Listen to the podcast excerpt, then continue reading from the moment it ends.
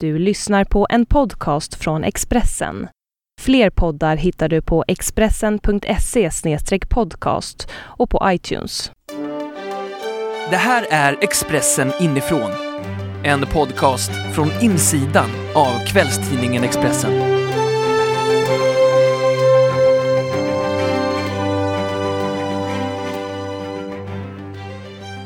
Han är journalist och författare. Men han är mest känd som en av Sveriges absolut främsta världsreportrar. Han har arbetat i USA, han har bevakat Europa, spenderat sex år i Mellanöstern, åkt tillbaka till USA eh, som Expressens chefskorrespondent och tillträdde senare motsvarande tjänst med Västeuropa som bevakningsområde. Nyligen fyllde han 80 år och han har jobbat för Expressen i 50 av dem. Jag välkomnar ingen mindre än Ulf Nilsson. Varmt välkommen. Tack ska du ha. Hur känns det? det? Efter den introduktionen så känns det jättebra. Om du skulle träffa någon som inte känner dig, eh, hur beskriver du då bäst vem du är och vad du har sysslat med i ditt liv? Ja, jag skulle säga att jag är eh, en gammal journalist. Och det, sen får man väl förklara bättre vad man har gjort och så om det, om det skulle erfordras. Min bild har ju legat ute många tusen gånger. I början så skrev jag ju inte bara krönikor utan då skrev vi ju även en massa andra artiklar. Jag vill minnas att på vid Kennedy-mordet till exempel så tror jag att jag förekom, inte med bildline på alla, men på kanske 40 sidor i tidningen. Det vill säga det var nästan ingen annan som förekom i tidningen. I hela tidningen? I hela tidningen. Berätta lite om det. Ja, det var ju naturligtvis en av de största händelserna i, i alla människor som levde då såg det som en av de största händelserna. Det hade inte hänt någonting sånt på oerhört länge och Kennedy var ju våldsamt populär, inte minst i Sverige och, och genom Jackie också. Och, och detta var ju en, och man kom nära historien på ett annat sätt än förr därför att korrespondenterna bodde i New York och, eller i Washington och, och tv hade slagit igenom så man kunde se allting. Referer, jag satt ju en stor del av den tiden framför tvn och talade om vad jag såg i tv utan att tala om att jag såg det i tv. Det var inte riktigt fint men, men, men eh, det var ju helt andra arbetsomständigheter än de man hade haft någon gång tidigare. Det, det, var, det var ett helt annat sätt att jobba på kanske som journalist om man jämför med idag också? Ja och nej. Det var nog så att, att eh, det var naturligtvis så att man fick, ta, man fick jobba genom att, att ta från andra medier. Därför att det fanns ju ingen möjlighet att jag kunde inte åka ner till Washington och springa runt omkring Vita huset och försöka få intervjuer med de inblandade. Så. Det var ju fullständigt, det var ju tusentals journalister av vilka en st stor mängd, nämligen de som var Vita huskorrespondenter akkrediterade för amerikanska tidningar, hade ju ett kolossalt företräde. Så eh, jag skulle troligen inte kunnat knappast få in någonting alls i tidningen om jag hade varit så dum. Utan det gällde att eh, utnyttja vad andra massmedia levererade. Det låter fattigt men, men det var enda sättet att få bra information hem till Sverige. Och det, ens uppgift är ju inte att glorifiera sig själv utan att få ge sina läsare bra information. Och det försökte vi. Just det faktum att eh, andra medier eller lokala medier i det landet eller i det området har företräde, skulle du säga att det är utrikeskorrens värsta fiende? Jag vet inte om jag skulle formulera det så. Det, det, det är oundvikligt. Det är alldeles självklart att, att eh, påven är mer intresserad av vad som står i Corriere della Sera än vad som står i Expressen. Han, han, han talar till ett italienskt land där de flesta är katoliker. Han bryr sig nog väldigt mindre om vad det står i svenska tidningar. Etc. etc. Jag menar det är bara en grov jämförelse. Men och jag menar USAs president, eh, såvida han inte just då ska åka till Sverige så tar han inte precis emot några, han gör inga exklusiva intervjuer till svenska journalister. Där, där vill vi alldeles för små. Kennedy, det var, det var 63, eller hur? Klockan, om jag inte minns fel, eh, 13.30. Dallas tid, alltså i Texas. Det, jag vaknade bokstavligen till nyheten. Därför att de, de eh, ringde härifrån och sa att de säger att de har skjutit Kennedy. Och då sa jag, lägg på luren så ska jag kolla. Därför att jag visste att vad jag hade att göra var då att slå på tvn. Och tvn sa att det var alldeles riktigt som de hade sagt från Stockholm. De hade skjutit Kennedy. Och, eh, och som, som den som ringde från Stockholm också sa, och han är död. Och det var han också. Hur gick tankarna då? Såg du det som din stora chans eller? Nej, jag menar man tänkte inte i den riktningen alls. Det, det, Eh, det, var inte, det, det gällde bara en sak, nämligen att sätta in i, i, i eh, omständigheterna så fort som det överhuvudtaget är möjligt. Och börja skriva med en gång därför att detta kommer det behövas en jävla massa stoff om. Och eh, ja, det var vad jag gjorde. Man, sen satt jag väl vid skrivmaskinen i flera dygn. Utan, nästan utan att sova eller göra någonting utan och med tvn påslagen som ju sände hela tiden. Och eh, sen efter ett antal dagar så åkte jag, flög jag till Washington. För att, ja liksom, jag vet inte varför egentligen. Var på för, plats? För att vara på plats som sagt. Vi, vi, men jag menar vi bluffade aldrig på den tiden. Ja, aldrig kanske att ta i. Men, men eh, väldigt sällan med mm, Datelinen, det var den plats där man var. Du menar, bluffas det idag med en större utsträckning? Av och till. Men det är ju nu, det är ju så helt annorlunda nu därför att rörligheten och så vidare är ju så mycket större. Inte minst är ju etermedias bevakning så mycket snabbare och ofta så mycket bättre. Det var ju, jag menar, vid Kennedy-mordet så den store Walter Cronkite som då läste nyheterna på CBS, han grät. Och det vet jag inte om någon gör i tv mer, ens vid ett sådant tillfälle. Men det, vi var ju överrumplade av detta. Det var ju en fruktansvärd händelse. Och eh, Kennedy var ju, så, var ju oerhört populär. Möjligen mer än han förtjänade, men det är en annan sak. Vi, vi spolar tillbaks eh, klockan några år. Du, eh, du gjorde klart din, du tog din examen 1950. Du fick en anställning 1955 på Åhlén och Åkerlunds förlag. Var det där din journalistiska bana liksom började? Oh nej, den började i all sin glans på Falkenbergs Tidning. Gick under, under namnet Gåsuggan. Därför den trycktes i korpusstil som var mycket större och så var det ganska utsmetat. Tryckningen var ganska dålig. Så den var, och dessutom var den tryckt i det stora eh, dagstidningsformatet. Så den, den var, det var en ganska vemodig produkt på många sätt. Men Okej. Det skiljer sig lite från dagens tek, Tekniskt sett var den vemodig, annars var vi naturligtvis briljanta allihop. Ja. Vem var journalisten Ulf, Ulf eh, Nilsson då? Ja, han var ju en volontär som det hette.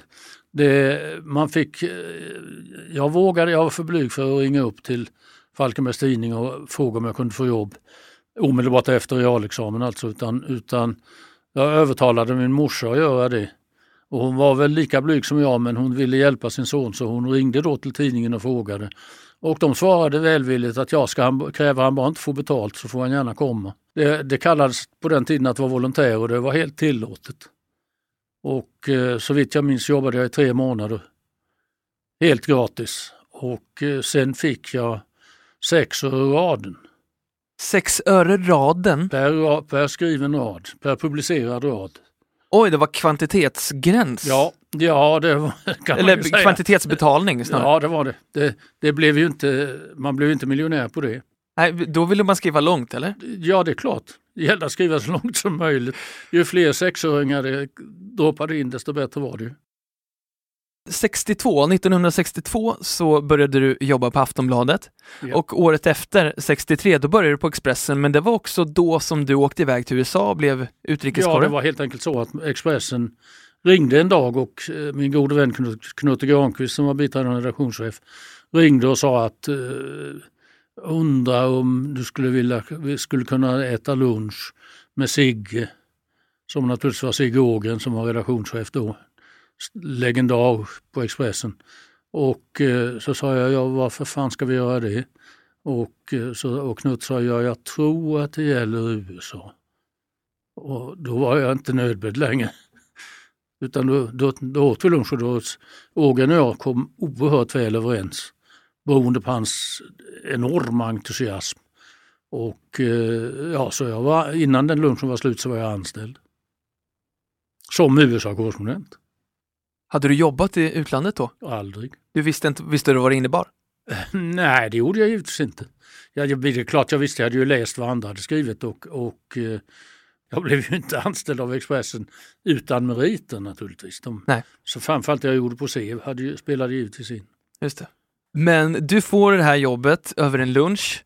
Ett jättesteg redan där. Kände du när du jobbade på, på Falkenbergs Tidning eller eh, Hallands Nyheter eller sådär, hade du på de här lokaltidningarna en högre ambitionsnivå än de andra journalisterna? Egentligen inte, ja det hade jag kanske men det, egentligen inte utan man det gällde att göra varje grej så bra det överhuvudtaget var möjligt. Och eh, en annan sak som jag tror hade stor betydelse var att du måste tycka det är roligt. Och det gjorde jag verkligen. Och eh, ja, sen gick det väldigt fort och blev som det blev alldeles av sig själv så att säga.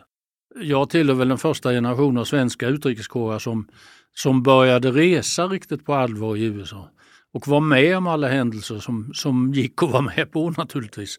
Det, det var ju då inte minst civil rights-rörelsen, alltså de svartas uppror mot de förhållanden som rådde i södern. Så man reste ju tämligen i skytteltrafik mellan New York och, och Jackson, Mississippi till exempel och gick med i, i alla marscher och, och eh, eh, skildrade de olika våldsdåd som begicks då huvudsakligen eller egentligen uteslutande av vita mot svarta. Och eh, som så man stod ju som det hette på den tiden på svarta listan. Och eh, jag gick många gånger vid sidan av Martin Luther King. Vilket då kan man, eh, om man ska framhålla det, så det var ju inte ofarligt.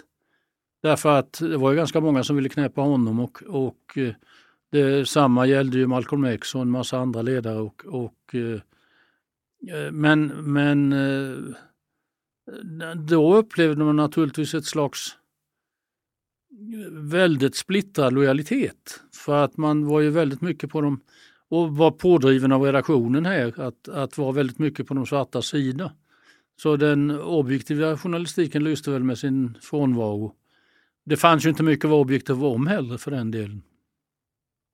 Vad, vad mer? Du gjorde massor med saker i USA, men eh, vad ligger liksom högst upp i, i, i minnet? Vad är de st- största grejerna du gjorde där? Ja, det var väl naturligtvis Kennedy-mordet. Som visserligen var alldeles i början, men det är klart att det var, det var större än det mesta. Och sen var det ju det som tillhörde USA var ju alla utflykterna till Vietnam naturligtvis. Jag kom till, en, en av gångerna kom jag just efter Song My-massakern. Då lille löjtnant Rusty befallde sina underlydande att skjuta ihjäl alla vietnameser som fanns på platsen. Och eh, det var ju sådana episoder. Det var ju, om jag så får uttrycka det, stup i kvarten var det ju någonting sånt. Mm. Och det var, ju, det var ju ett drama i sig. Som man då eh, hade egentligen hade man ju ganska dåligt grepp om det, man, man kunde skildra det på marken. Konsekvenserna och så vidare hade man ju mycket svårare med. I Filip och Fredriks podcast, eh, vet du vilka Filip och Fredrik är? Ja då. Ja, i Filip och Fredriks eh, senaste avsnitt eh, så spekuleras det i om världsreporterna förr i tiden eh, levde ett flotta liv och bodde i paradvåningar jämfört med dagens eh, journalister. Men, Nej, är det det tror jag inte. Vi, vi, vi bodde i en, vänta, vad var det, en fyrarummare på Manhattan och eh, det var på 70 gatan. 70 gatan tillhör de finare gatorna på östsidan och, och, eh, och eh, men nej, lyx var det verkligen inte frågan om. Vi, vi gick, man hade nog chansen att gå på finare krogar. Som man utnyttjade flitigt naturligtvis. Expressen har nämligen alltid, det hoppas jag du vet, varit ett oerhört generöst företag. Betalat bra och gett tillstånd till betydande utgifter. Så det, och det tog man naturligtvis men tog du bodde, fördel av. bodde alltså på Manhattan i en fyra. Det, det skulle man väl säga är, är, är riktigt, en, ett riktigt bra. Ja, inte dåligt, nej, nej. nej, nej. Men jag menar, då hört saken att en, ett av dessa rum var mitt kontor. Mm. Så jag jobbade ju hemma. Det, det rummet var ju egentligen undantaget övriga familjen. Eh, Inte riktigt kanske, men, men, men eh, där härskade ju arbetet. Sen hade vi dessutom Expressen var ju ovanligt eh, väl utrustad redan på den tiden för vi hade ju ett kontor i Rockefeller Center. Eh, Ett, ett, ett rum som gränsade in till Svenska Dagbladets rum. Och de hade faktiskt två. Även om de inte hade råd med det. Eh, så, och vi hade bara ett som vi hade råd med. Du bor i Frankrike nu? Vi bor i Frankrike, vi bor på franska rivieran och eh, bodde ju dessförinnan under många år i Paris. Så, och dessförinnan många år i New York så jag har ju tillbringat mitt dessa 50 år som jag har haft kontakt med Expressen har jag bott ett år i Sverige som eh, då vi la om till högertrafik därför att då hade vi andra arbetsförhållanden. Vi hade tidigare lämning och, och så vidare. och så vidare. Men, men annars har jag egentligen inte jobbat i Sverige. Du som har erfarenhet av den stora komplicerade världen. Hur skulle du sammanfatta den? Det, sammanfatta den vågar jag mig inte på men, men man kan ju säga att det, det, det avgörande som har hänt under min tid som journalist är ju Sovjetunionens försvinnande. Vi hade ju en väldigt bipolär värld där, där de två supermakterna Sovjet och USA stod mot varandra med väldiga raketarsenaler, atomladdade, riktade mot varandra. Och då och då var det verkligen risk för ett världskrig som skulle ha förstört världen. Den, det, det, så är det inte alls längre. Nu är USA den enda supermakten. Kina är upptaget med sig själv och Sovjet finns inte mer. Nordkorea då? Sätter det, är det någon skräck du känner? Ja, jag känner mig oerhört orolig för det. Eh, vad som händer där är ju det kan ställa till eh, fruktansvärd katastrof, framförallt i Asien. Jag tror däremot inte att de har några större möjligheter att nå USA, men kanske med en, bara en eller annan atomraket kan ju förstöra en stad. Så, så visst känner man oro inför det. Man hoppas bara att eh, de håller sig i skinnet. Men det kan man inte alls vara säker på. Kim Jong-Un kan ju vara galen, vad vet vi? Diktaturer har man ingen riktig koll på. Stalin med atomvapen är inte en tanke som skulle vara särskilt trevlig. Tror du att det kommer släppas atombomber från, eller skickas iväg från Nordkoreas sida? Jag vet inte. Jag hoppas inte det är allt jag kan säga. Jag anser inte det omöjligt. Men, men eh, de har inte talat om för mig om de tänker göra det. Men, men, eh, och, men som sagt var, möjligheten finns tyvärr. Det är, det är mycket allvarligt. I så fall blir det troligen Japan som får ta smällen. Och de har ju gjort det förr. Du som har levt i många olika kulturer, många olika delar av världen. Finns det någon gemensam nämnare som du har sett? Ja, den gemensamma nämnaren är väl väldigt enkel att de flesta människor, den överväldigande majoriteten av människor, vill leva sina liv i lugn och slippa bli till exempel sprängda av en atombomb eller någon annan bomb.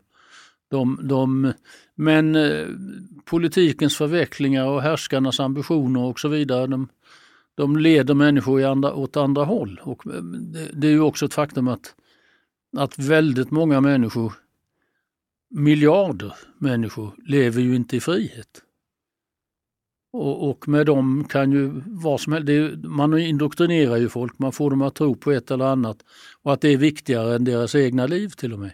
Så, så att, att, ha någon, att ha en alldeles bestämd uppfattning, det kan jag inte.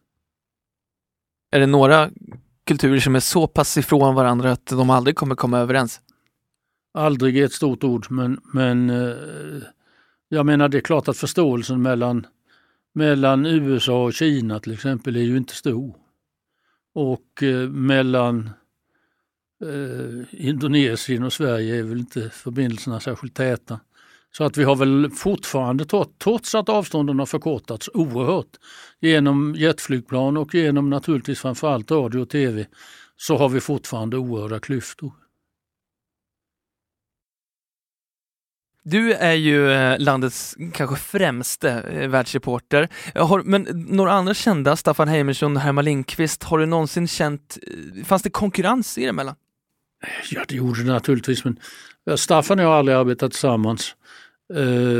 Däremot naturligtvis den andra, Herman. Men Herman och jag hade väl inget gott förhållande kan man inte säga, men, men, men Däremot Staffan och jag, eh, Aino var ju gift med Staffan innan hon blev gift med mig. Eh, men eh, mm, när det, framförallt så jobbade man ju inte på samma ställe. Det gör ju en stor skillnad. Om du inte möter varandra så har du inte mycket att, att bråka med. I efterhand läser du tidningen och säger fan det gjorde han bra eller det gjorde han dåligt eller det gjorde jag bättre och, det, och så vidare. och så vidare. Men det är ingen, kontakten är inte nära direkt. Det är inte som på en redaktion där man träffar varandra varenda dag. Där blir det ju både, svår, både mer vänskap och svårare motsättningar. Utrikeskorrespondenten är ju en ensamvarg i hög grad. Hans, hans kontakter, särskilt om man är i USA som på, på den tiden jag var där, att, att, att då är ju det telefonen. Hade telefonen inte funnits i början innan telefonen var så utbyggd som den blev så skickade de ju hem sina artiklar per telegram. Det tog 24 timmar så var inga rykande färska rapporter precis. Du hade en ganska dålig relation till, till Herman Lindqvist? Ja. Varför då? Ja, det vet jag inte egentligen, det är så länge sedan. Ja, vi gillade inte varandra bara, helt enkelt. Det, jag menar, det var inga speciella, vi hade inga speciella eh, misshälligheter om jobbet eller så. Det, utan som sagt var, det var väl, det var väl den person, personkemin som inte gick bra ihop. Hur är det idag? Ingenting. Nu, nu ska jag eh, säga ett ord som jag knappt har hört innan, men du, du har varit känd för att extemporera, eh, alltså läsa in en text till en telefonmottagare. Ja, eh, nej, det är inte riktigt sant som du, du, du beskriver lite fel. Okay. Jag har läst in texter till telefonmottagare visst hela tiden, men de har nästan alltid varit skrivna. Och då extemporerar man ju inte, då läser man ju. Ah, okay. Det, det, det där med extemporera, har, jag har extemporerat en kategori av, av grejer har jag extemporerat oerhört mycket och det är väl därifrån det kanske kommer, nämligen boxning. Mm. Alla VM-matcher på min tid i Amerika har jag ju sett och skrivit om i Expressen. Så jag skildrar ju hela Muhammad Alis, före detta Cassius Clays, hela hans tid i ringen har jag skildrat alla matcher. Och eh, det var ju festtillfällen naturligtvis. Då satt man bokstavligen med telefonen i handen och dikterade. Och eh, förhoppningsvis bra. Det blev lite rörigt ibland. Kan du inte berätta, vad, vad, min, vad minns du av den? Att han var ett underverk. Att eh, man har aldrig sett en som var en boxare så skicklig och så, om, om det inte missförstås, vacker. Han var ju oerhört välbyggd och snygg och han rörde sig fantastiskt. Sen hade han ju sin, sin glänsande högfärd och sina fantastiska uttalanden. Så det var ju eh, oerhörd skillnad mot de tidigare tungviktsboxare som sa att I let my, my fist do the talking.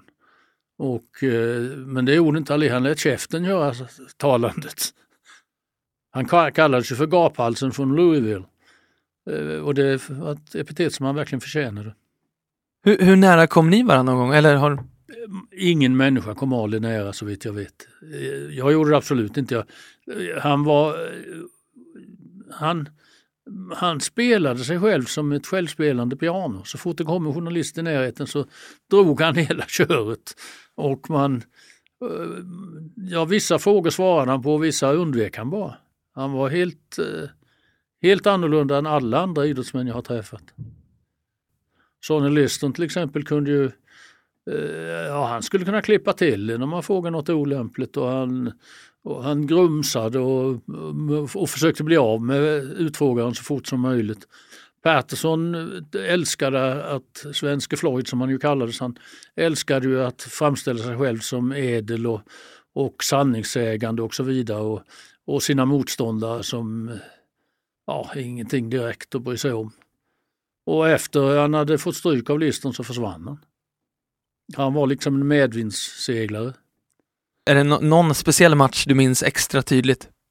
Ja, det är väl Liston-matchen antar jag. Och eh, eh, det är länge sedan allt detta nu, men, men att han gjorde allt vad han sa han skulle göra. Ganska fantastiskt. Och att han psykade ju Liston oerhört genom att säga att det var en, en dumskalle och en eh, idiotisk tjur och jag minns inte allt han sa men han, detta kom ju fram naturligtvis och gjorde ju Liston blev både förbannad och orolig. För han kunde inte liksom tänka sig att någon skulle säga så, våga säga så om honom. Men, eh, och sen när det visade sig att, att han fick inte träff på Ali. Det var ju hans Alis första och största egenskap att han rörde sig så oerhört snabbt och väl och kom undan. Så att de slog i luften. Och det kostar på. Både psykiskt och fysiskt så kostade det på att slå i luften. Så han, han gjorde allt han sa han skulle göra. Och de andra lyckades inte med någonting av det de försökte göra. Så eh, visst var han fantastisk. Mellan eh, 79 och 75, eller 85 förlåt, 79 och 85, då är du efter att ha varit på Europakorre, då åker du till Mellanöstern. Ja, men jag bodde ju kvar i Paris. Så jag, jag var korre för Mellanöstern, det är alldeles riktigt, men, men, jag, men eh, jag fick bara längre flygresor. Jag var mycket i Mellanöstern utan tvekan, bland annat därför att Aino, min fru, bodde i Beirut och var korrespondent för Aftonbladet som en tidning du vet som finns någonstans. Vad tar du med dig ifrån Mellanöstern? Jag lärde mig att somliga konflikter tar aldrig slut. Till exempel så har ju Israel fortfarande inte fred egentligen med någon och de arabstaterna tittar snett på varandra. Och eh, jag tycker inte att någonting egentligen har blivit bättre. Det är klart att den, den materiella nivån har ju stigit i Mellanöstern som på praktiskt taget alla andra ställen. Men, men politiskt eh, är det ju inte bra och, och eh, medmänskligt så att säga tycker jag inte heller det är bra. Eh, så jag, det, det, det är inget roligt att titta ut över Mellanöstern. Hur hanterar du alla krigsminnen? Ja, man kan inte bli av med dem, för det första. Och inte heller har jag försökt, men, men det är klart att allting bleknar ju med när åren går och minnet blir sämre så att säga. Och man, man men det är ju alltid så att för en, en reporter så är ju det viktigaste att man ska skildra det. Och eh, man kan, man kan naturligtvis tänka över det, man kan naturligtvis plågas av det. Men eh, lyckligtvis får jag väl säga så skickas man snabbt ut på nästa uppdrag och då får man ta itu med det istället. Så det är ett, eh, ett ganska ett bättre jobb än man skulle tro i sådana sammanhang. För de som har turen att få vara igång. Sen är det naturligtvis mycket värre för de som, jag menar det är naturligtvis ett oerhört privilegium att få hålla på i 50 år. Det är inte vanligt. Precis. Är det någon gång som du har känt efter de här krigen, kanske, ja men om det har varit mycket krig och misär, har du känt att nej, jag ger upp? Absolut inte. Det är inte jag som har åstadkommit krigen och misären. Det är andra och jag kan inte säga att jag har varit för dem. Utan, men däremot är det ju ett slags viktig uppgift att tala om för svenskarna i mitt fall att vad som händer och hur det ser ut och, och vad sanningen är om det ena och det andra som man upplever det. det. Det är viktigt för, jag menar svenskarna är ju ett hjälpande folk. Vi ger ju mycket pengar på olika sätt till, till utsatta, till offer för krig och andra katastrofer. Och det är väldigt bra att, de som, att man stimulerar den verksamheten. Så man gör ju, även reporten gör ju en liten insats i det sammanhanget, så, till det bättre. Det finns ju andra reporters också, jag menar nazisttidens reporters i Tyskland skrev för att piska upp krig. Och hade, men de var ju reglerade av, av partiet och av ledningen. Eh, vi har ju haft den oskattbara förmånen att pressen i Sverige är fri. Jag menar inte 100% fri därför att det finns påtryckningsgrupper, det finns det finns fördomar och det finns si och så men, men, men friare än på de flesta ställen. Och det kan ju Sverige vara mycket lyckligt över. Finns det någon gång du har skrivit en artikel eller ett reportage där du har känt att du har varit påverkad och som du kanske har ångrat? Det har väl hänt många gånger att man har sagt att det där begrep jag nog inte riktigt, det där var nog inte riktigt rätt och, och, eh, och man försöker rätta till det nästa gång. Därför att införa eh, rättelser i tidningen liksom alltid när någonting inte är riktigt exakt som man skulle vilja så skulle tidningen väl få delas i två, en tidning för var tidning och en tidning med rättelse. Ingen, ingen journalist är ju perfekt. Jag vet att du blev irriterad när Expressens före detta chefredaktör Bo, eh, Bosse Strömstedt skrev ungefär att en dag kommer Ulf Nilsson att viska och hans röst kommer att öka i styrka. Varför reagerar du? Därför jag tror inte det. det, det eh, Bosse var ju en mästare i att formulera sig och att uttrycka saker och tankar och, och beundrar honom Hans, hans sätt att skriva beundrar jag oerhört mycket. Behöver inte att behöver tycka allting är rätt. Och att, att, det är enligt min uppfattning så att i en kvällstidning viskar man inte. Det, viskningen går inte in på löpsedeln så att säga. Blev du, men blev du jättearg eller? Nej, det Nej. tror jag väl inte. Det, det, bland annat därför att det var ingen att bli jättearg på Strömstedt för då kunde man få tillbaka det. På vilket sätt? På vilket sätt som han fann lämpligt. Det är ju så på alla, på de tidningar jag har varit på, ska jag säga. Det behöver inte vara alla tidningar för det, men, men så är det ju chefredaktören som bestämmer. Han har ju en oerhörd makt, inte minst på en tidning som Expressen. Han bestämmer om, om, du ska, om du ska vara här eller där eller vad du ska få skriva, vilka jobb du ska sättas på och så vidare. Så inte fan vill du bli ovän med din chefredaktör. Det här leder mig osökt in på eh, Kristina eh, Jutterström. När hon var eh, chefredaktör så petade hon dig som krönikör 95. Ja. Ja. Hade den konflikten kunnat undvikas? Nej, det tror jag inte. Därför jag tror att det hade hon bestämt sig för innan hon började här så att säga. Det, det, eh, vi har inte eh, inte, aldrig haft något personligt förhållande sådär, men hon, hon ogillade mig. Hon ogillade mitt sätt att skriva. Hon ogillade, ogillade mina politiska uppfattningar. Inte minst, jag är ju ganska långt åt höger. Och det var ju inte hon. Och, eh, så det var väl en faktor i sammanhanget. Men ja, det, jag menar det, det gick över så att säga. Hon försvann. Hon försvann, inte jag kanske man ska nu säga läsarna eller, eller lyssnarna på något sätt, men du har i sociala medier eh, på nätet anklagats för att vara rasist. Hur Nej, kom... det är jag inte. Det här förklarar jag mig absolut oskyldig. Det, det är väl klart att om du har bott större delen av ditt liv utomlands så eh, anser du inte allting svenskt som det bästa som finns. Det finns ju saker som till och med är bättre i andra länder än i Sverige. Nej, jag bekänner mig absolut inte till någon rasism.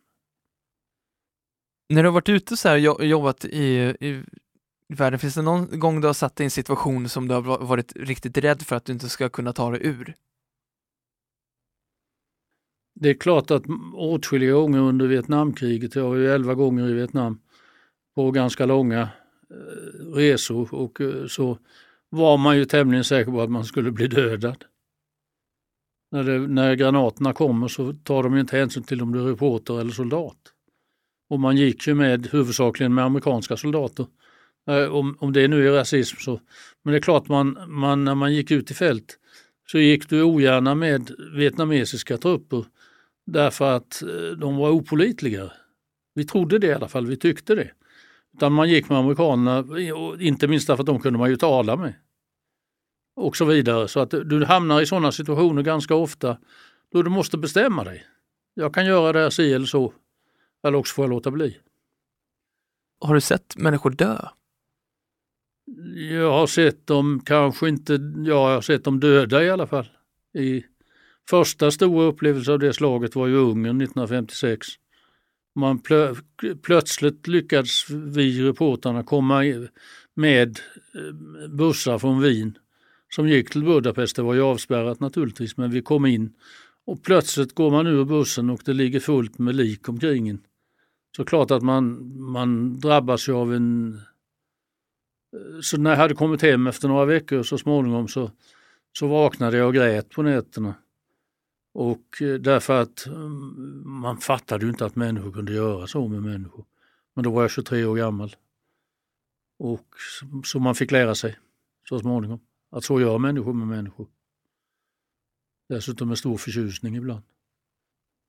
När man har flyttat runt som du har gjort och jobbat på massor med olika ställen, vart, vart finner man ro någonstans?